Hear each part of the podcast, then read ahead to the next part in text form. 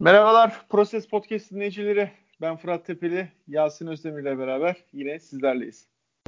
Ki Altın Brand direkt olarak daha yaşı büyük oyunculara odaklanacağız ve kısmen daha çabuk katkı verebilecek En iyi savunmacısı ki yılın savunmacısı da seçildi. Kolları çok uzun, e, kanat açıklığı çok uzun, çok atletik.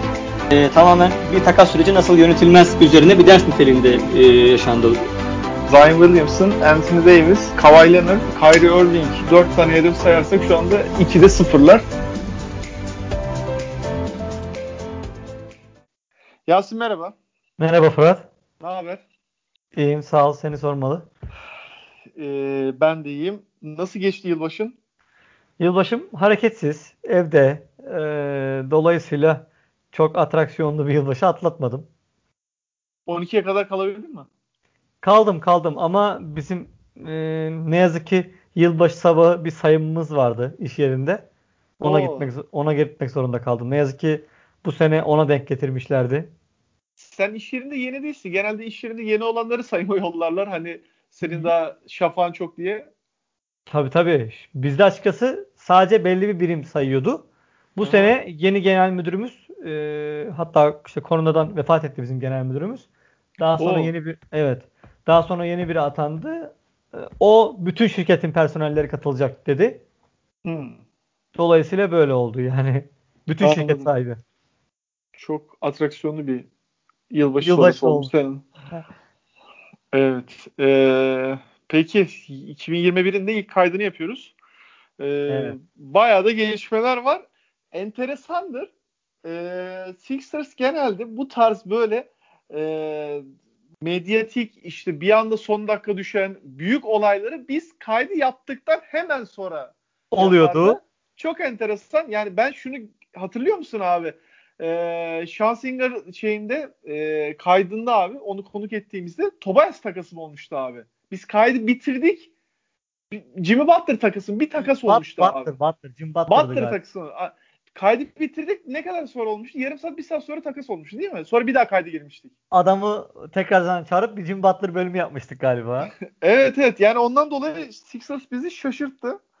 Ee, peki baştan alalım. En sonunda da e, en güncel e, malum haberi de konuşuruz. Abi e, 7-2 şu anda Sixers ve biraz da fikstürün de avantajıyla yani normal dışı fazla reaksiyon vermenin de çok doğru olduğunu düşünmüyorum. Hayır. Ee, iyi bir başlangıç yaptı ama sağ olsun yine e, yüzümü kara çıkarmadı. Önceki kayıtta hatırlarsın ilk iki maçtan sonra biz kaydı yapmıştık ve e, gecesine Cleveland maçı vardı. Sağ olsun yani ben orada kayıtta da hani bu maçı da rahat geçeriz diye düşündüğümü söylerken e, yenildiğimiz iki maçtan biri o ve fark yemiştik. E, Üstad iyi bir hücum savunma e, ikilisi performansı görüyoruz takımda genel olarak. Hatta e, son net yenilgisiyle takım orada o maçta çok sayı yedi. E, biraz ortalaması düştü ama e, şu anda 9. ve uzun sürede birinci, üçüncü arasında gitti. Evet yani ilk ikide genelde oldu savunma anlamında. Hucumda böyle şey e, nasıl diyeyim ilk 10'da değil ama ilk 10'un hemen sınırında gibi 11-12'lerde geziyor verimlilik İlk- olarak. İlk 15'te diyebiliriz. Yani üst Aynen. e, yarıda e, bulunuyor takım. Top çalmada birinciyiz. Sağ içi isabetinde de beşinciyiz. Şimdi e, maç maç hızlı gidelim ama bir de genel Tamam. değerlendirme üzerinden gidelim. Aynen. e, takımın son durumunu. Şimdi Cleveland maçına çok fazla reaksiyon vermek istemiyorum. Yani o maçta gerçekten Cleveland iyi şut attı. E, Sixers Embiid hatırlarsın o maçta oynamadı. E, Howard'ın ilk 5 çıktığı bir maç ve yani genel bağlamda kötü şut attığımız, kötü performans verdiğimiz ama karşı tarafta da Cleveland'ın gerçekten hatırlarsın sezonu da çok iyi yemişlerdi. Tabii. Ya şöyle e, Cavaliers maçı benim aslında birinci bölümde, bir önceki bölümde söylediğim şeyleri kanıtlayan gelişmeler oldu. Yani daha böyle e, Danny Green daha formsuzdu bugünden. Seth Curry daha kötüydü. Tobias daha kendini gelememişti. E, dolayısıyla böyle daha sezon başını çok çok hissettiğimiz bir dönemdi. Dolayısıyla benim beklediğim bir gelişme oldu e, Cavaliers maçı aslında. Hani böyle bir mağlubiyet ben bekliyordum. E, bu dönemde en azından. Ve o gerçekleşmiş oldu ki Embiid'siz çıktık sahaya. Hı hı. Bu da tabii ki büyük bir etken. Bu takım daha yeni kuruluyordu vesaire. Ki halen daha çok yeni. Ki aslında son sabahki bu sabahki gelişmelere gelene kadar belki çok daha pembe bir tablo çizecektik ama şu an daha karanlık bir şeyler konuşacağız büyük ihtimalle ama maç maç gitmeye devam edelim istersen. Şimdi sonrasında da e, dediğim gibi Cleveland maçının üstüne çok konuşmak istemiyorum. Yani Aynen. o sezon başında o tarz e, kağıt üzerinde baktığında olmaması gereken mağlubiyetler alınabilir. E, sonraki Toronto maçı biraz daha e, güç dengesi anlamında daha denk bir e, maçtı. Abi orada ikinci yarı dümdüz etti Sixers. E, benim canlı izlediğim maçlardan biriydi. E, evet. Ve genelde de baktığımızda da yani e, benim gözüme çarpan Toronto bağlamında Fred VanVleet'in hani bizim sezon başı yorumlarımızda yani bu takımın hücumunu işte Kyle Lowry, Fred VanVleet bir de Pascal Siakam üçlüsü götürecek diye bakarken e, Sixers'ın kısa baskısına, gardı baskı e, çok fazla gördüğümüz maçlardan biriydi. Artı şu eklemeyle sana vereceğim konuyu. E, Toronto'da biliyorsun yani Mark Gasol'un olmasıyla beraber Sixers'a ve özellikle de NBA'de çok ters gelen bir yapıları vardı.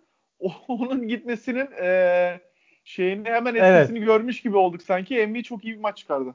Evet şöyle e, yani bir rakip eksildi bizim açımızdan Doğu Konferansı'nda aslında o anlamda. E, ve Embiid'i çok zorlayan bir rakip. Kariyerinde sıfır çektiği maça denk gelen bir rakip Raptors. E, o maçta senin dediğin gibi ikinci yarı dümdüz etti dedin. Benim de en e, dikkat çeken şey not, notlarımdan bir tanesi geriden gelerek kazanmak oldu o maçı. E, yoksa çünkü maçın gidişatı öyle değildi. Tabi burada Embiid'in baskılı performansı ve Tobias'ı da bence eklemek lazım. O da fena katkı vermemişti o maçta. Evet evet yani orada Embiid Tobias ikilisiyle e, kazandı Sixers. Sonraki maç işte Orlando maçı. Yani Orlando maçının üstüne de çok konuşacak bir şey görmüyorum. Çünkü maç ilk yarıda hemen büyük fark oldu ve maçın başında benim gözüme çarpan e, özellikle Fulls'un üstüne yapılan baskıyla Orlando abi top dağıtımında çok sıkıntı yaşadı. Yani zaten o geçen yılki işte DJ Agustin'in rolünü şu anda henüz daha birine de oturtamadılar. Ee, onu şu anda biraz biraz Fultz yapıyor. İşte Vucevic bir nebze yapıyor falan ama yani Fultz yapıyordu tabii artık yani yapıyordu. Aynen o kısma girmek istemiyorum. Çok tatsız bir konu gerçekten. Sezonu da kapattı. Ee, ama sezon e, pardon ilk yarıda maçın başındaki o baskıyla beraber bir anda Magic maçı da şey oldu. Farka gitti.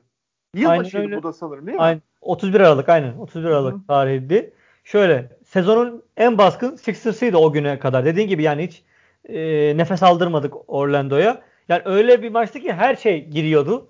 E, Simmons üçlük attı. Dwight Howard üçlük attı. Yani bu derece iyi gidiyordu olaylar Sixers adına.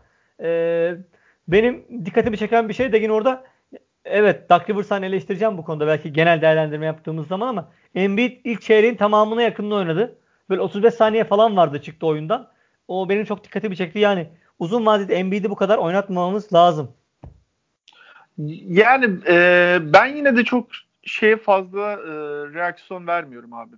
Şu anda periyotlar için oynama sürelerini. Çünkü Embiid'in genel olarak oynama sürelerini dikkat ediyorum ben de. Çünkü işte Hı-hı. geçtiğimiz şu 3 yılda 4 yılda ki en büyük muhabbet de oydu e, 30 dakika civarı, 29 dakika, 31 dakika, 33 dakika, 28 dakika hep o bağlamda e, yürütüyor şey Duck Rivers'ta. E, sonrasında da Charlotte'la abi back to back oynadık. E, ardı ardına iki maç. ilk maçta Tobias Harris maçı o.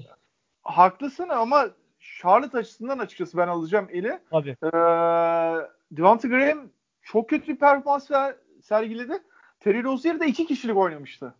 Yani Aynen. hele bir ikinci yarısı var ki tek başına e, takımı tutmaya çalıştı ama tabii şey e, Hornets çok güçsüz kaldı Sixers'a karşı. Yani özellikle yine 5 numarada e, Bismarck Biyombo'ya karşı Embiid Howard ikilisi çok şey ağır bastı.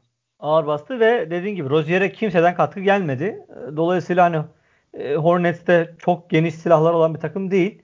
E, onlar hiçbir şekilde iki maçta direnemediler zaten. Artı burada da yani maçı izleyenler de hak verecektir. Yani Lamela Ball'a yapılan baskı da çok önemliydi. Yani kağıt üzerinde çok anlaşılmıyor ama maç içinde hiç rahat hareket edemedi. Ya iki maçta da ben Lamela Ball'dan çok az olumlu şey gördüm herhalde. Evet ama mesela maçı izlemeyen biri de kağıda baktığında ya mesela ikinci maçı ben söyleyeyim 12-7-9 yapmış. Yani. Abi maçı mesela canlı izlerim hiç öyle bir şey vermiyor. Ya neredeyse çok savruk. E, Ben Simmons light istatistiği bu ama Ay, hiç öyle bir aynen. performans yok. Aynen öyle. Aynen öyle ve şey e, maçını çok savruktu. E, diğer tarafta zaten e, Devonta Graham, e, Terry Rozier da e, yani pass first guard derler ya hani ilk evet. e, pası düşünen bir guard tipinde olmadıkları için yani orada Lamelo'nun top dağıtımı çok önemliydi. Oradaki baskı da büyük avantaj yarattı. Şimdi e, ilk iki maçtan birinde hatta sezon başıydı sanırım. Washington maçıyla başlamıştık sezona. Onun e, ertesi maçı abi. E, Nets'ten bir önceki maç e, fark bir ara 21'i bulmuştu. Hatırlarsın 3. çeyrekti sanırım hatam yoksa. E, Bradley Bill oradan getirdi. Aynen öyle. E, Bradley Bill oradan getirdi. Orada da yani yine bir krize giren bir maç oldu ama e, maçın sonunda son 5 dakika baya başa baş geçmişti. Orada keza Seth Curry, Embiid ikilisinin gerçekten etkili performansı özellikle de Embiid'in. E, ama yani gerçekten burada Bradley Bill'a da bir parantez açmak lazım abi. Tabii. Felaket oynadı ya. Ee, öyle ama Sixers da mesela üçlük olarak çok iyiydi. %62 ile üçlük attı. Seth Curry bir ara 6'da 6 ile falan oynuyordu. Shake Milton orta mesafeden ve pota altından önemli katkı verdi. Hani üçlünün girmediği zamanlarda bile. Son 5 dakika bayağı bir rezil bir basketbol oldu. Onu söyleyeyim. Hani maç neredeyse gidiyor e, gibi oldu. Bradley Beal tek başına tabii ancak bu kadar yapabildi. Bir ara ben Neto, Smith ve Westbrook'u aynı anda sahada gördüm. Acaba Scott Brooks ne yapmaya çalıştı anlamadım. Ne deniyor bilmiyorum acaba şu anda. Ee, Shake Milton üst üste basketler bulmuştu iş Smith'in üstünden. A- ee, hatırlıyorum evet. Ee, yani orada da dediğim gibi sonuçta Washington maçın sonunu getiremedi. Ee, maçın sonlarını da gerçekten Sixers bu sezon iyi oynuyor. Yani clutch time'a kalan 3 maç var. 3'te 3 galibiyet. Ee, o bağlamda başarılı gerçekten takım. Top paylaşım bağlamında da birazdan detayına da ineriz. Abi son maçta işte dün geceki Nets maçı. Hı hı. Ee, orada tabii Durant'le Kyrie Irving oynamadı. Kyrie Irving'in fark etmişsindir çok e, önemli bir Personal sebep reasons yani önemli bir sebebi varmış gerçekten. E, oynamak istememiş maçta. Canını istememiş. E, yani orada da bir Joe Harris şutu gördük abi maçta. Gerçekten çok dominant bir maç geçirdi. Ee, yani dediğim gibi bu tarzda hani mağlubiyetler olabilir. Nets'in de detaylı konuşacağız bu arada bu programda. Tabii tabii.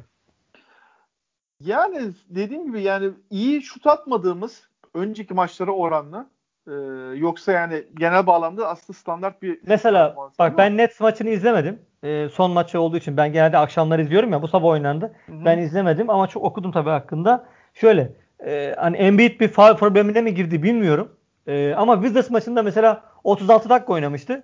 Şimdi Nets maçında 29 dakika süre almış. Ya e, ben açıkçası Wizards maçı giderse gitsin orada Embiid'i daha az oynatırdım. E, Nets maçına saklardım ki Durant'siz yakalayacağım. Hani Kyrie'nin olup olmayacağını bilmiyorum. Dinwiddie olmayacaktı. Durant olmayacaktı. Ki bir de üstüne Kyrie olmadı. Resmen elimizden kaçırdık yani Nets'i o anlamda. Ee, tabii çok ekstra bir dediğin gibi Joe Harris performansı gördük. Ee, onu dediğin gibi Nets'le ilgili yorumlarımızı daha sonra yine yapabiliriz. Ama Yasin şöyle bakmak lazım. Tabii. Yani ikisi de bir galibiyet yazıyor. Yani sen bugün Knicks'i de yensen bir galibiyet yazıyor. Lakers'da yensen bir galibiyet yazıyor. Ama bence işte onun psikolojik etkisi daha fazla Nets'i yenmenin. Yani biz şu an mesela Sixers'ın derecesi gayet iyi diyoruz. Ama sonra bir fikstüre bakıyorsun. iki tane Hornets maçı var. Bilmem ne var. Dolayısıyla o güveni sana vermiyor. Ee, diyorsun ki yani bu takımı daha izlememiz lazım. Bu fikstüre güvenemeyiz. Ama benim net galibiyeti gelmiş olsaydı biraz daha elimizde kuvvetli bir done olacaktı. Ben bu açıdan bakıyorum olaya. Tamam haklısın ama şu anda Ocak ayında olduğumuz için yani örnek veriyorum. Nisan'da böyle bir durum oluşursa bak aynı iki maçı al koy Mart'a Nisan'a sana daha çok hak veririm. Abi Ocak'tasın maç başa baş gelmiş. Embiid yardırıyor yani gerçekten çok iyi performans. Abi orada artık o adamla beraber maçı götürmen lazım. Ki 21'den gelmiş. Burada da haklısın yani e, Nets galibiyeti daha kağıt üstünde hoş görünüyor. Göze böyle daha dinamik, daha hoş geliyor. Ama abi ikisi de bir galibiyet veriyor ve şu anda Ocak ayındasın. Yani daha oyuncular yeni yeni ritim tutuyor. Yani hele hele işte bu Covid sebebiyle iyi bir hazırlık programı yapılmadığını da varsayarsak. Yok hiçbir şey tabii ki güvenemeyiz. O ayrı. Bu sezon zaten öyle. Ee, bıçak sırtı bir sezondu ki biz zaten sabah neye uğradığımızı şaşırdık bir anda. Ee, ha, o konuya da gelelim abi. İyi yere getirdin. Şimdi Aynen. orada e, güncel bilgi verelim. Hani dinleyicilerden belki bilmeyenler olabilir. E, Seth Curry dizindeki sol dizindeki bir sakatlıktan dolayı maçta oynamadı. ve maçı da kenardan takip etti. E, ve maç öncesi yapılan testler maç sırasında sonucu geldi ve pozitif çıktı. Pozitif çıkar çıkmaz hemen 2 dakika içinde orayı terk edip ama tabii ki yani o sırada maçın ikinci çeyreği miydi? Ne zaman? Tam hatırlayamadım ya. Ee, orayı terk ettikten sonra e, kendini karantinaya alıyor. Ama protokoller gelip tüm takım şu anda karantinaya girdi. Ee, Ve e, buyur abi. Yok yok zaten şey bir de maç içerisinde yedek kulübesinde bile işte Sam Cassell'le yan yana oturuyor. Bir ara Embiid yanında ilk çeyrekte. Dolayısıyla hani temas o arada var. Aynen öyle ve protokollere göre de e, bu duruma gelen oyuncunun 7 gün içinde standart 7 gün karantinada kalması lazım. Duruma göre günde 2 defa teste tabi tutuyorlar. 5 gün ne kadar düşebiliyor. E, şu anda da takıma ardı ardına testler uygulanmaya devam ediyor ve takımda işte Brooklyn deplasmana gitmişlerdi. New York'talardı. Otelde karantinaya alındı. Aynen. Orada kaldılar. Bu arada işte Brooklyn Nets mesela Sixers'la maç yaptı ama onlar Memphis'e gittiler şu anda bir sonraki maça e, oynamak için.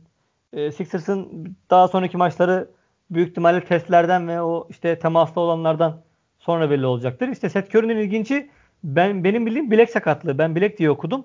Ben açıkçası sabah hmm. duyduğuma inanamamıştım. Hani bilek sakatlığı çünkü hiç konuşmamıştı.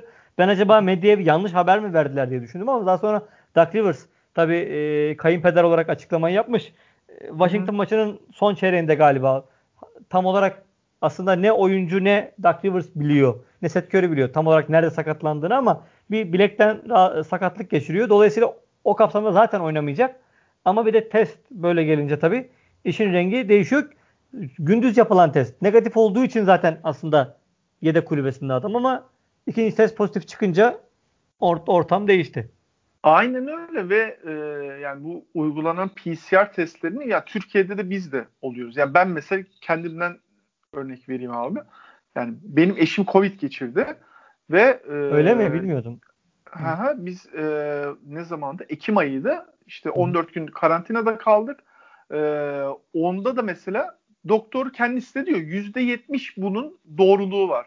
Yani bir testin %70 doğruluğu aslında çok çok düşük bir doğruluk. Aynen. Ondan dolayı NBA oyuncularına da e, günde çift test uygulanıyor ki hani o %70'lik doğruluğu olabildiğince daha e, yukarılara çekmek amacıyla. Ve testi işte sen acaba hangi günde oluyorsun? Kuluçka süresinde misin? O yüzden biraz bekleyin birkaç gün sonra olun diyenler var tabii. Aynen öyle. Örne örneklemek için söyleyeyim. Hani eşimden örneği verdim. Hı hı. Eşim ilk testi negatif çıktı ama fiziksel olarak semptom gösteriyordu. Negatif çıktı. İki gün sonra e, tekrardan test oldu. Bu sefer pozitif çıktı. Benim Ve ondan sonrasında işte karantinada çalış falan diyorsun. Devam ettik. Geçmiş olsun ee, arada. Aynen öyle. Şuna söyle getireceğim. Yani e, o ilk negatif çıkan kısmı da muhtemelen kuluçka süresiydi. Senin bahsettiğin gibi. Yani bu hastalığı bir 14 gün gibi görürsek ortadaki 6 gün e, hastalığın en ağır seyrettiği bölüm 6-7 gün diyelim biz ona. Hı hı. Kişiye göre değişiyor. Semptom miktarına göre değişiyor. Ama ilk 3 günde 2 günde haklısın abi. Testin negatif çıkma olasılığı belki daha fazla. Yani %70 diyoruz ya. O ilk 3 günde çok çok daha farklı bir oran var. Benim de iş yerinde bir arkadaşım öyle oldu. Ee, cumartesi günü şüphelenmiş, test yaptırmış. Negatif çıktı. İşe geldi. Hı hı. Pazartesi akşamı eşi rahatsızlandı. Ee, o direkt olarak zaten hani işe gelmeyi kesti öyle olunca. Ee, ve eşi pozitif çıktı. Bir iki gün sonra da filyasyon ekipleri ona test yapmaya geldiler. O da pozitif çıktı. Büyük ihtimalle o hafta sonu şüphelendiğinde aslında o da e, hastalığı geçiriyordu. Pozitifti ama test negatif çıktı yani. Evet ya ve yani bu gerçekten çok sıkıntılı bir süreç. Yani şu anda e, sen laf arasında bahsettin. Yani Brooklyn'le maç yapıyorsun. Brooklyn şu anda deplasmana gidiyor. Yani oradaki oyunculardan birine kapıp deplasmanda da yayma ihtimali de var. Malin çok, var. Çok e, yönetilmesi zor bir süreç. Ve hemen ertesi günü de yani yarın normalde daha doğrusu bu gece biz kaydı cuma akşamı çekiyoruz. E, bu gece normalde Denver maçı var. Evet. Philadelphia dönüp Denver maçı vardı. 3 gün sonra Atlanta deplasmanına gidiyordu. Ardı ardına iki tane Miami içeride oynuyordu. Ve 7 günlük karantina uygulanırsa tüm takıma bu 4 maçta şu anda şey abi. Erteleniyor. Aynen. Hatta Denver maçı yarın akşam güzel 11'de galiba. Aynen Yan- öyle. Aslında yanlış hani bizim doğru hatırlıyorsun bizim e, izlememiz için altı çok şey. e, Güzel de makul bir maç. süre. Ben yanlış ifade ettim. Doğru diyorsun. Gece değil. e, saat 11'de. Bunlar şu anda oynanamayacak gibi duruyor. Yani Bayağı en, karışmış durumda. en azından Denver maçı gidici gibi. Hiçbir şey olmasa bile her şey post yani güzel negatif çıksa bile bütün oyuncular e, Denver maçı sallantı. Benim en üzüldüğüm nokta şu. Takım gerçekten fikstür gerçekten tamam basit gibi görünebilir kağıt üstünde ama takım çok iyi performans veriyor. Yani biraz Evet. biraz da şeylere de girelim abi. Oyuncular değerlendirmesine de Tabii. yani özellikle Embiid, Tobias ve Seth Curry abi bu üçlü Aynen. gerçekten ciddi form tutmuş durumda. Takım çok üst düzey savunma yapıyor ve Covid-19 abi hani 14 gün geçti bu adam artık iyileşti diye adlandırılabilecek bir hastalık değil abi. 2 aya kadar semptom gösteriyor. Aynen öyle. Şu bağlamda gösteriyor. Yani etkilerini ciğerinde nefes alışında çünkü biliyorsun herkes artık Evet. bu konuyla ilgili bilgilendi. Direkt ciğere saplanıyor. Ee, nefes alışında ve bunlar sonuçta profesyonel sporcular. Yani adam şu an akan oyunda 30 dakika boyunca koşuyor. Direkt performansını etkileyecek bir durum. Ee, hele hele Embiid gibi e, yani umarım tabii ki onlarda pozitif çıkmasa hani hastalık bulaşmamıştır ama bu tarzda yani fiziksel olarak e, daha çok etkilenebilecek oyuncularda Tabii. e, çok ritim kaybını oluşturabilir. Ya kanda pıhtılaşma gibi ciddi bir soruna sebep oluyor bir defa. En önemli sebeplerinden, sonuçlarından bir tanesi bu. Embiid özelinde gelirsek yani Embiid'e ben açıkçası bu şu 8-10 maçlık performansıyla sezon başını da katarak söylüyorum. Sınıf atladı diyebilir miyiz sence? Hmm, sınıf Zor mu? atladıdan kastın şey mi? Yani MVP için ilk 5 mi? Yani aşağı yukarı evet. Şu 8 maçın dersin. Evet onu diyorum. Ha, Bu kısa örneklemişim. Bunu tüm sezon Yapabilir mi? ben şöyle söyleyeyim. Tüm sezon yapmasın abi. %70, 75'inde yapsın. Zaten yine şey abi. All NBA olur. Çok üst düzey veriyor abi performans ve şu anda kafası çok şey. Tamamen maçta yani. Bunda artık yani yoldan adam çevirsek herkes zaten farkında yani. Bu adamın potansiyeli çok yüksek. Kafasını verdiğini çok ciddi oyun ortaya koyabiliyor. Ama abi iki pozisyon var, üç pozisyon yok. Hemen bir üçlüye kalktım. O bir de onun böyle yaylanarak e, şut fake'i var ya üçlük çizgisinde. Aynen. Hop oradan gevşek hareketler. Şu bağlamda gevşek. Yani katma değeri olmayan e, fundamental hareketleri. E, Sonra ne oldu abi? Takım bir anda ritim kaybediyor. Ama şu anda abi bazı periyotlar var. E, yani şu an takımın hücum setleri de tam oturmadığı için ardı ardına 5 pozisyon, 6 pozisyon post-up oynuyor. Orada double teamlerde adamı buluyor. Ya abi şeyi hatırla işte ya. Maç sonunda hangi maç sonuydu? E, Washington maç sonuydu. Double team geldi potu altına Ben Simmons'a indirdi ya orada. Uzun Evet, evet, evet. pas oldu ve Ben Evet. Simmons bitirdi. E Seth Curry keza bir maçta yine e, Joel Embiid'e gelen double team'de topu aldı abi. Yine şutunu buldu. Maç sonu öyle bitirmişti. Evet. Yani double team'de de şu- e, niye abi? çok Şimdi iyi, çok iyi şu anda. O anlamda. E şimdi geçen yılki dizilişte tabii bunu yapamıyordun. Embiid şutörlerine güvenmiyordu. Topu çıkaramıyordu. Güvense E, bile yani. atan yoktu. Ki ben hep sana şey diyordum. işte Embiid'in ikili sıkıştırmadan nasıl topu çıkartacağını e, çalışması lazım. Hatta işte Tim Duncan örneğini veriyordum. Acaba biraz onunla geçirse çok iyi olur falan diye. Hı hı. Ee, herhalde onunla çalışmamış ama e, kimle çalıştıysa kendini bu alanda geliştirdiği şu an açık yani. Fizik olarak çok iyi abi. Sahayı çok iyi kat ediyor. Yani çok da enteresan böyle maçı izlerken insanın gözüne de çok garip geliyor. Yani çok hantal görünüyor. Ama fast break'te abi bir bakıyorsun akıyor. Evet Tam yani tersi savunmaya dönerken mesela onun e, onun bir- işaretini ama Doug Rivers vermişti. Yani biz Embiid'in hızına uymayacak. Embiid biraz bizim hızımıza uyacak diye ben daha hızlı bir takım göreceğimizi zaten sezon başında anlamıştım o anlamda. Ve yani şu anda takım e, dediğim gibi tamam fazla reaksiyon vermemek lazım. Fikstür gerçekten çok kolaydı. Tabii. Ama mesela gerçekten iyi sinyal verilmiş işte bir Toronto maçı da var. Örnekleyebiliyorsun. Ya mesela Embiid'in başına her zaman bela olmuş e, Orlando mesela Vucevic Aha. falan o maçlar iyi geçti gayet. çok iyi geçti. Artı mesela şu ikinci Washington maçı yani maç sonu krize geldi ama abi çok iyi çıktı oradan takım. Ve Aynen. yani geriden gelen Washington da e, hızlı da almıştı. Yani oradan Yani- Washington vurup da geçebilirdi. 60 atan işte 62 atan Bradley Beal var orada 60 sayılara gelen Bradley Beal var. E, dolayısıyla gümbür gümbür geliyor adam. E, ama Sixers orada evet maçı elinde tutmayı başardı. Dediğin gibi mesela Seth Curry'den bahsettin. Ben sezon başında hani e, kötü buluyordum hep dedim ritimsiz başladı diyordum. e, acaba bir tane daha mı oyuncunun şutunu bozduk diye e, içimden geçiriyordum ama toparlandı ilk üç maç sonunda Seth Curry hatta şöyle söyleyeyim şu an Covid olana kadar bence kariyer sezonunu geçiriyor ki istatistiksel olarak da öyle. Hiç bu kadar süre aldığı bir sene yok. İlk 5'te oynadığı bir sene bu kadar yok. Direkt olarak şu an net bir ilk 5 oyuncusu Seth Curry. G gelen bir oyuncu için e, bench'ten e, süre almaya çalışan bir oyuncu için şu an kariyerinde geldiği nokta çok iyi. Üçlük yüzdesi şu anda kaç biliyorsun değil mi? 50'nin üzerinde galiba. Abi 59.5'da atıyor. Evet evet. Ligde ikinci sırada bu tabii ki böyle devam etmeyecek. Yani Güzel. absürt bir oran. 45'e razıyız. 45'e razıyız. Hiç gerek yok. 45 dedin zaten abi. e, ligde ilk 5 yapar yine de. Aynen. Ve Elit- şöyle elitin maçlarda yani. maçlarda şunu fark ediyorsun değil mi? Yani iki tane şut soktuktan sonra üçüncüsünde artık savunmalar tabii ki o riski alamadığı için tek driblingle adamı bir anda geçebiliyor. Aynen öyle. Çünkü yani çok büyük bir tehdit. Tek driblingle geçebiliyor. Adam bulabiliyor. Yani çok iyi bir iki Ki numara. fiziksel olarak aslında o kadar iyi olmamasına rağmen sırf şut tehdidiyle bunu yapıyor. Aynen öyle. E, diğer taraftan bakıyorsun abi Tobias inanılmaz olgun başladı.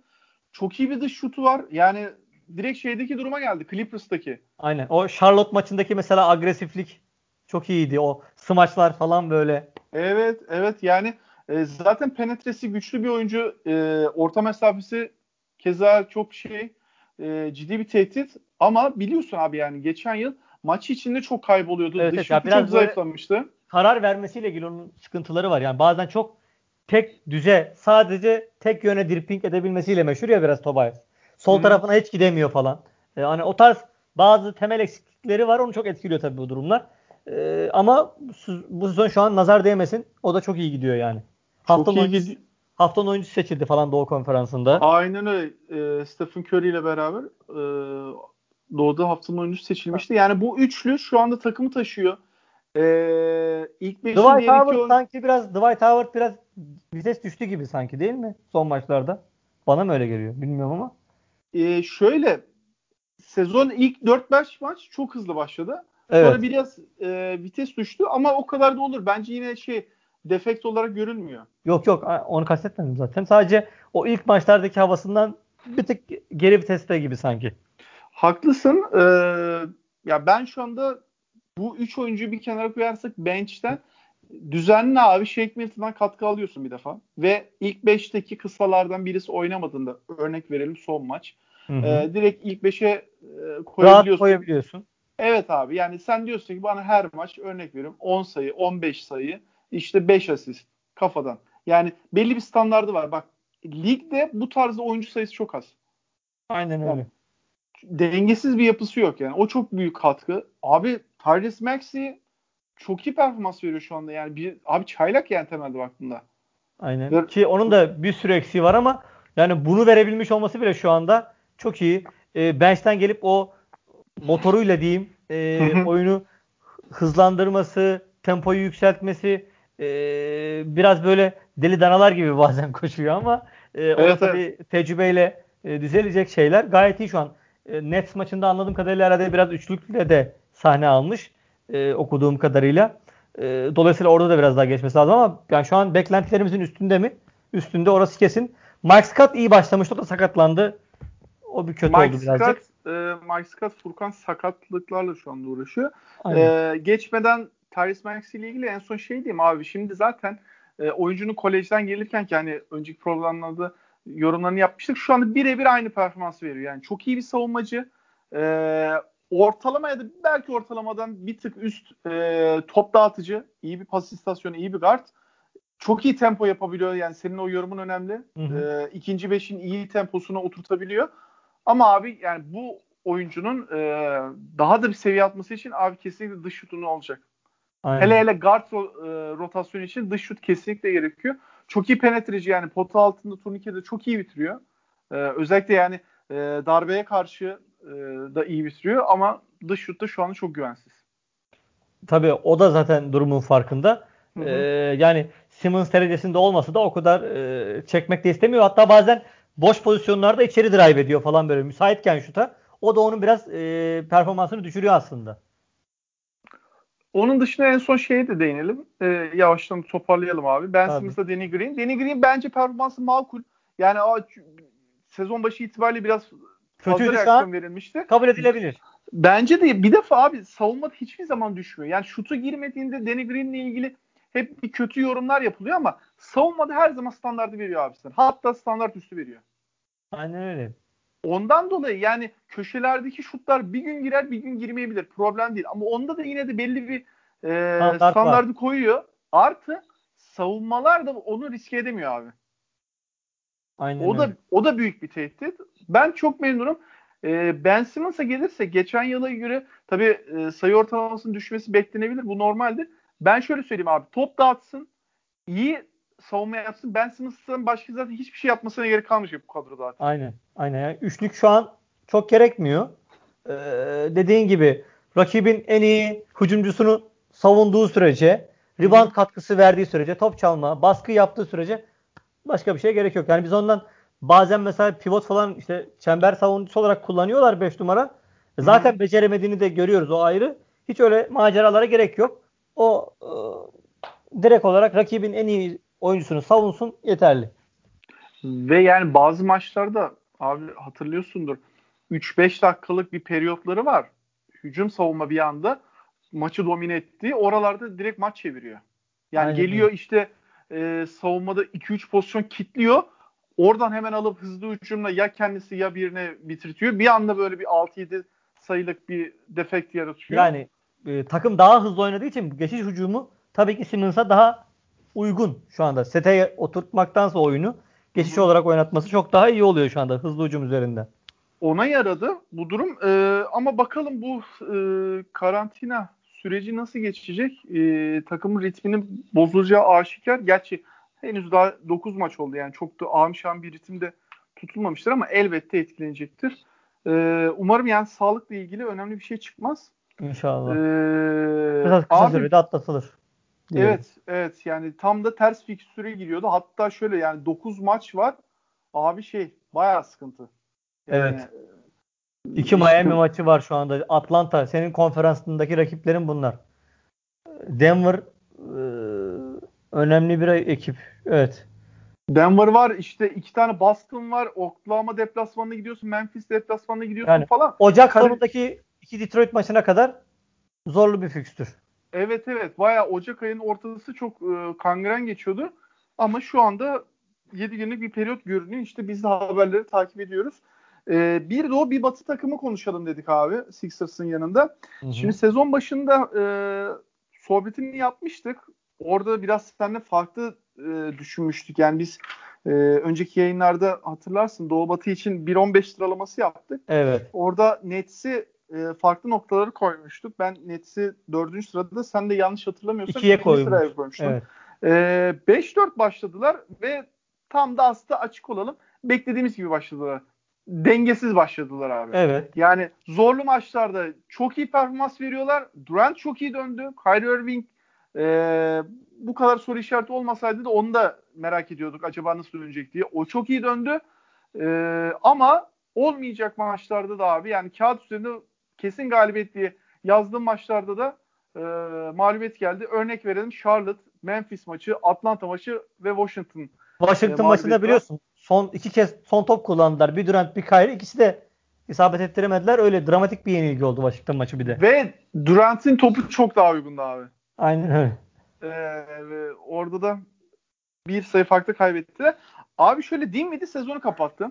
Sana Evet. konuyu e, bırakmadan önce onu belirteyim ama Sixers'la beraber Doğu'nun en geniş kadrolarından biri olduğundan biz bahsetmiştik ve ve şu anda da mesela işte e, az önce konuştuğumuz Sixers galibiyetinde de mesela Durant Kyrie Irving oynamasına rağmen Dinwiddie sezonu kapatmasına rağmen yine de iyi bir rotasyon çıkartabildiler.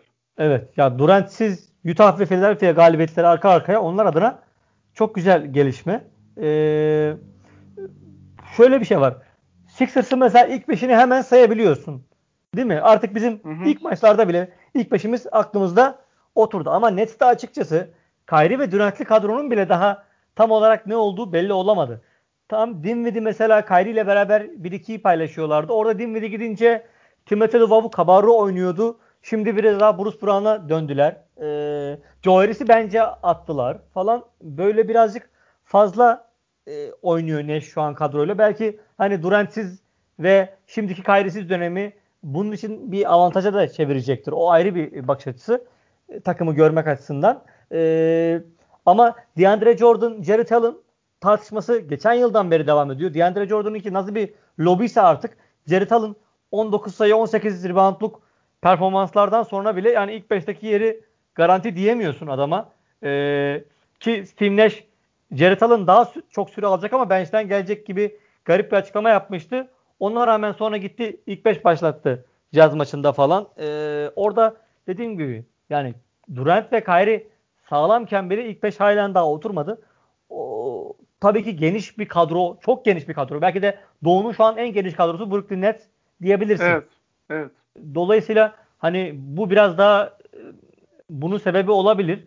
Ee, işte Dinwiddie sakatlanmasaydı belki uzun vadede Caris levert takaslanması bile hani dillendiriliyor. Tabii onlar ayrı tartışma konuları ama dediğim gibi benim açımdan yani en kritik şey daha şu an takımda rollerin oturmamış olması net açısından. E, hatırlıyorsunuz Harden takasında e, Nets'in de ismi geçiyordu ve orada Dinwiddie aslında takasın bir parçası olabilir Tabii. deniyordu. İşte şu anda o tabii parça çıktı. Gerçi Harden takası da şu anda bir e, sessizliğe büründü ama e, yani şu kadroya baktığında ve şu anda verilen performansa da baktığında ligde zaten hücum performansında üçüncüler. Ben şöyle düşünüyorum. Yani bu takım savunma performansında ilk 15'te kalırsa bir şekilde kendini o tarafa atabilirse belli bir standart savunma verebilirse abi e, Brooklyn çok çok tehlikeli abi. Aynen. Ee, orada da o zaman Jared Allen'a daha fazla süre vereceksin DeAndre Jordan yerine. Ee, biraz daha işte Bruce Brown, Timothy Loval, Cabarro gibi e, kısaları oynatacaksın. E, Kyrie Irving'in de psikolojisini yönetebildiğin sürece başka bir sorunun yok zaten bu takımda. Zaten konu şimdi hani biz bunları anlatıyoruz falan ama konu dönüyor dolaşıyor. Kyrie Irving Durant'in psikolojisine geliyor abi. Yani bu takım yani şunu mesela garantisini veremiyoruz. Yani 20 maç sonra bir anda takım içi bir kavga o oldu bu oldu sezon çöp olabilir. Ya dün akşam Steve Nash açıklama yapıyor işte. Kyrie'ye ulaşamadım. Bana cevap vermedi diyor adam. Sonra öğreniyoruz ki işte takım arkadaşlarına güya mesaj atmış vesaire. Ee, ama durumlar karışık yani bence. Memphis maçında da yok şimdi. İki maç üstte kaçırmış olacak. Sebebini bilmiyoruz. Tamam ailevi özel bir şey olabilir. Belki açıklamak da istemeyebilir.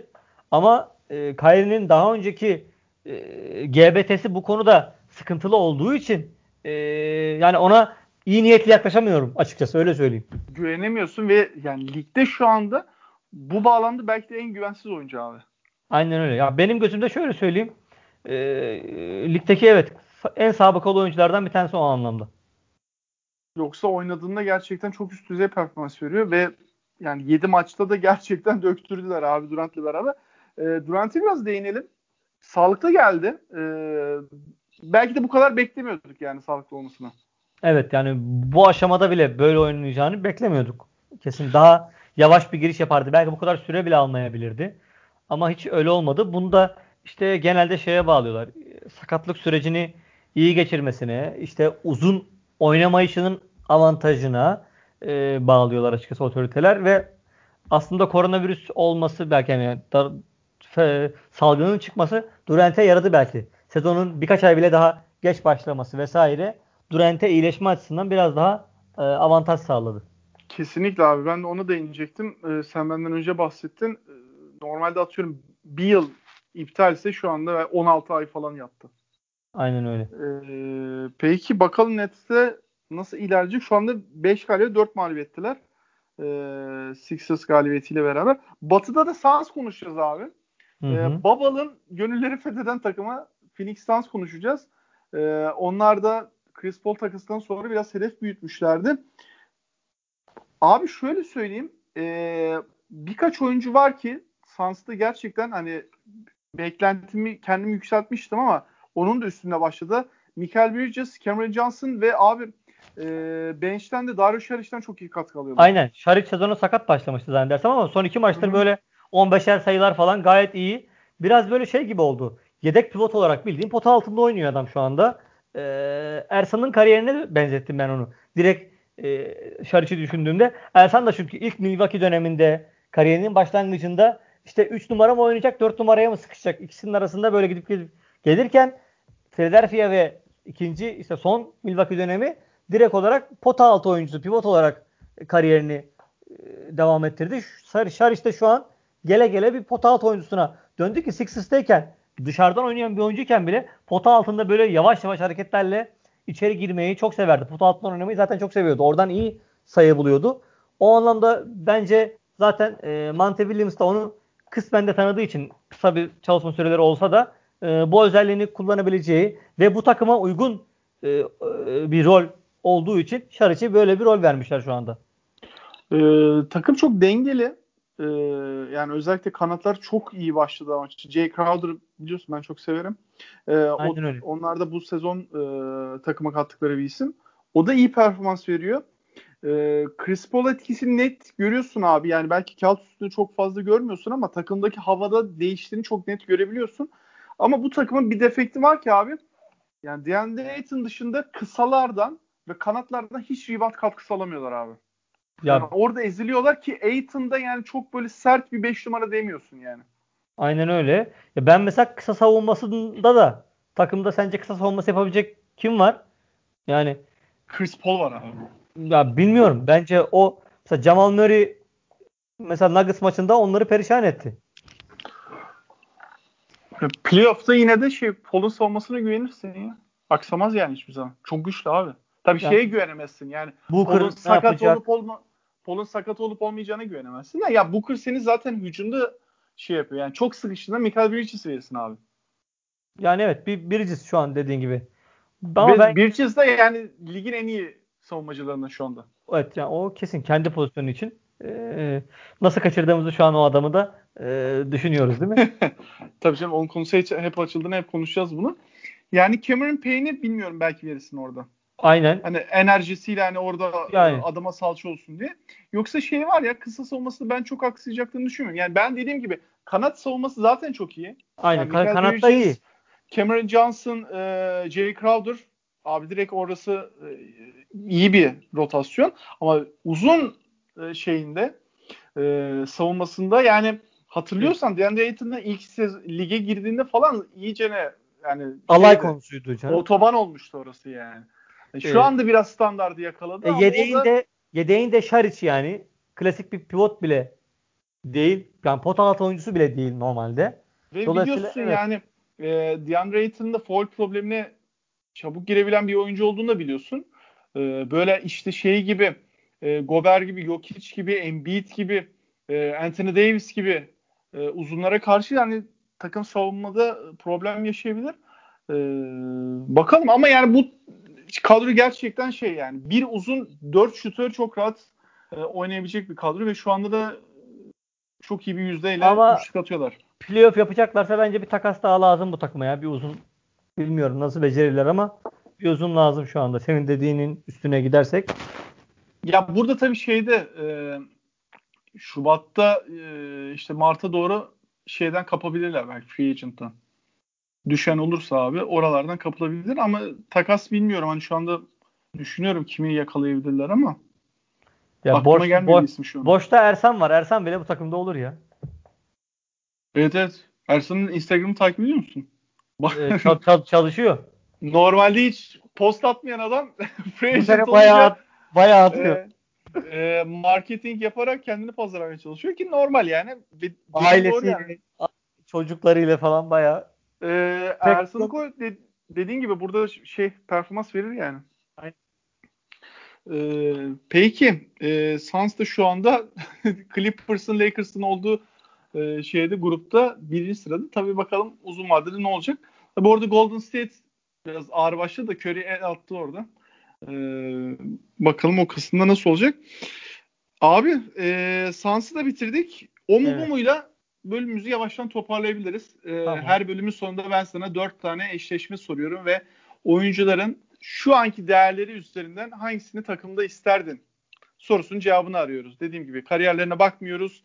Ee, çok fazla geleceğe de bakmıyoruz. Yani şu anda hangisine Anladım. sıfırdan bir takım kuruyor olsan isterdin. İlk sorunla başlıyorum.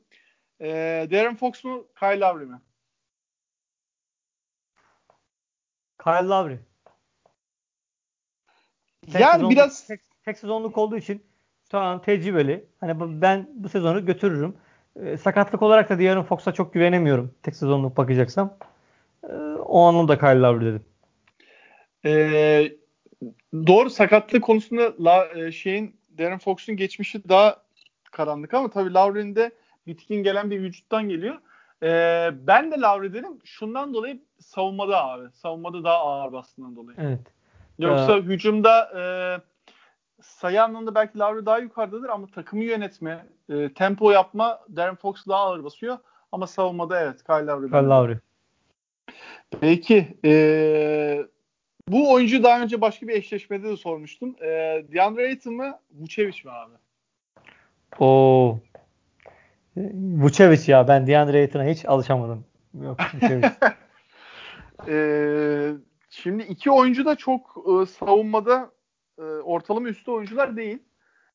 Ama Vucevic'in dış şutu daha iyi herhalde. Kesin daha iyi. Kesin yani. daha iyi. Hem orta mesafe hem üçlüyü daha iyi. E, potu altında Aiton çok daha etkin. E, fundamental'lara benzer görebilirsin ikisinin de.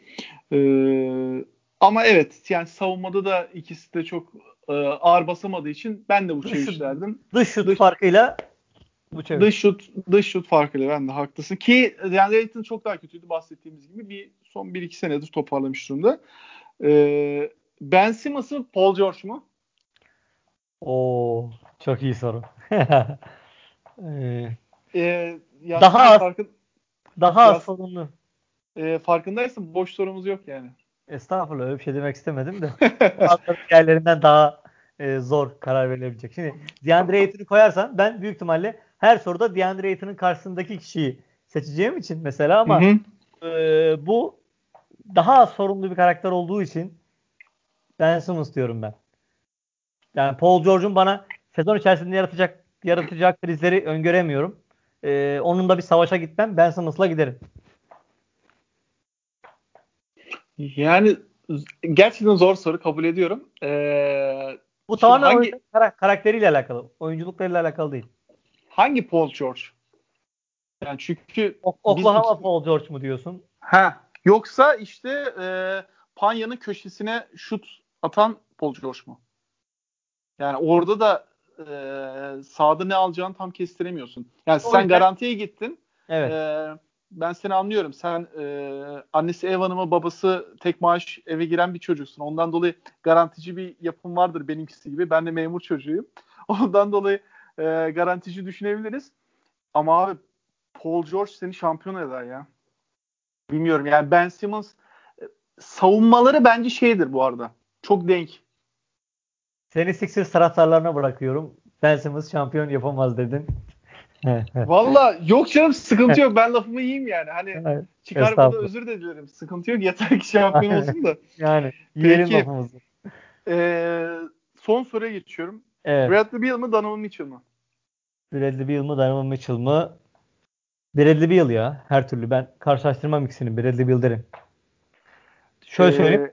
Donovan Mitchell'ı mesela daha çok böyle oyuncu olarak, tarz olarak göze hoş geliyor bence. Donovan Mitchell'ın tarzı. Bence olduğundan daha iyi gözükmesinin sebeplerinden biri bu. Tarzı hoş adamın bence.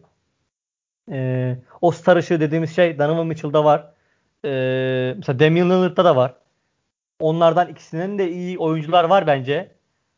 Ee, ama onlarda diğerlerinde olmayan bir ışık var. Bunu kabul ediyorum. Ama ben yine de Bradley Beal derim burada. Ben seninle şöyle aynı fikirde değilim. Ee, hücum güçleri anlamında bakarsak şimdi oyunu iki yönde ele alırsak hücum güçleri anlamında bakarsak bir basamak Bradley bence de daha yukarıda. Evet. Ee, sana maçı daha fazla ortaya performans verebilir ama savunmaya geldiğimizde bence Donovan Mitchell orada diğer taraftaki hücum farkından daha fazla savunma farkı veriyor abi. Ondan dolayı ben mesela burada Donovan Mitchell diyeceğim. Yani Doğru, Bradley Beal'la e, kısa baskısını Donovan Mitchell'la yapabileceğin kadar yapamazsın. Yok hiç yapamaz hatta. Neredeyse. Aynen, aynen öyle. Ondan dolayı hani ben dediğim gibi biraz da oyunu iki yönlü bakıyorum. Hı hı. Ee, o bağlamda ben Donovan için diyeceğim. Şey, evet şey yani şöyle söyleyeyim. Eğer diğer elimdeki dört oyuncuyu bilsem ona göre bakabileceğim bir eşleşme bu. Hangisine ihtiyacın olduğu ile ilgili belki bir şey. Ama tek tek oyuncuyu koyduğun zaman değerlendirme kriteri de başka oluyor. Evet peki önümüzdeki programda sana dört tane daha zor soruyla daha gelmeye çalışacağım. Ee, tamam. Ee, var mı abi ekleyeceğim bir şey? Ee, yok. Umarım hmm, Sixers bu koronavirüs sürecini az zararlı atlatır. Tek diyeceğim bu. Ama yine e, böyle bir şey de yani böyle bir trajik olayda drama, gözyaşı da yine tabii ki Sixers'a yakışırdı. Yine de bize bize nasip oldu. Aynen yine bize nasip oldu abi. Yani başkasına bunu kaptıramazdık yani. Aynen öyle. Ee, peki. Ve adamı maçın içinden çektik yani böyle bir şey. Aynen öyle. Ee, Sixers konuştuk abi. 7-2 başladı sezona. Ee, iyi başladı. Maç maç değerlendik. Sonra da e, genel resme baktık. Nets konuştuk. Ee, doğudan batıdan da Suns konuştuk. En sonunda da her bölümde artık yapmaya başladığımız gibi o mu bu mu dedik. Yasin'cim ağzına sağlık. Teşekkür ederim sana ben de. Peki. E, ben de sana katılmış olayım. Umarım Sixers'ın bu COVID-19 süreci e, kazasız belasız atlatılır. E, bizi dinlediğiniz için teşekkür ederim. Ben Fırat Tepeli, Yasin Özdemir ile beraber sizlerleydik. Hoşçakalın. Hoşçakalın.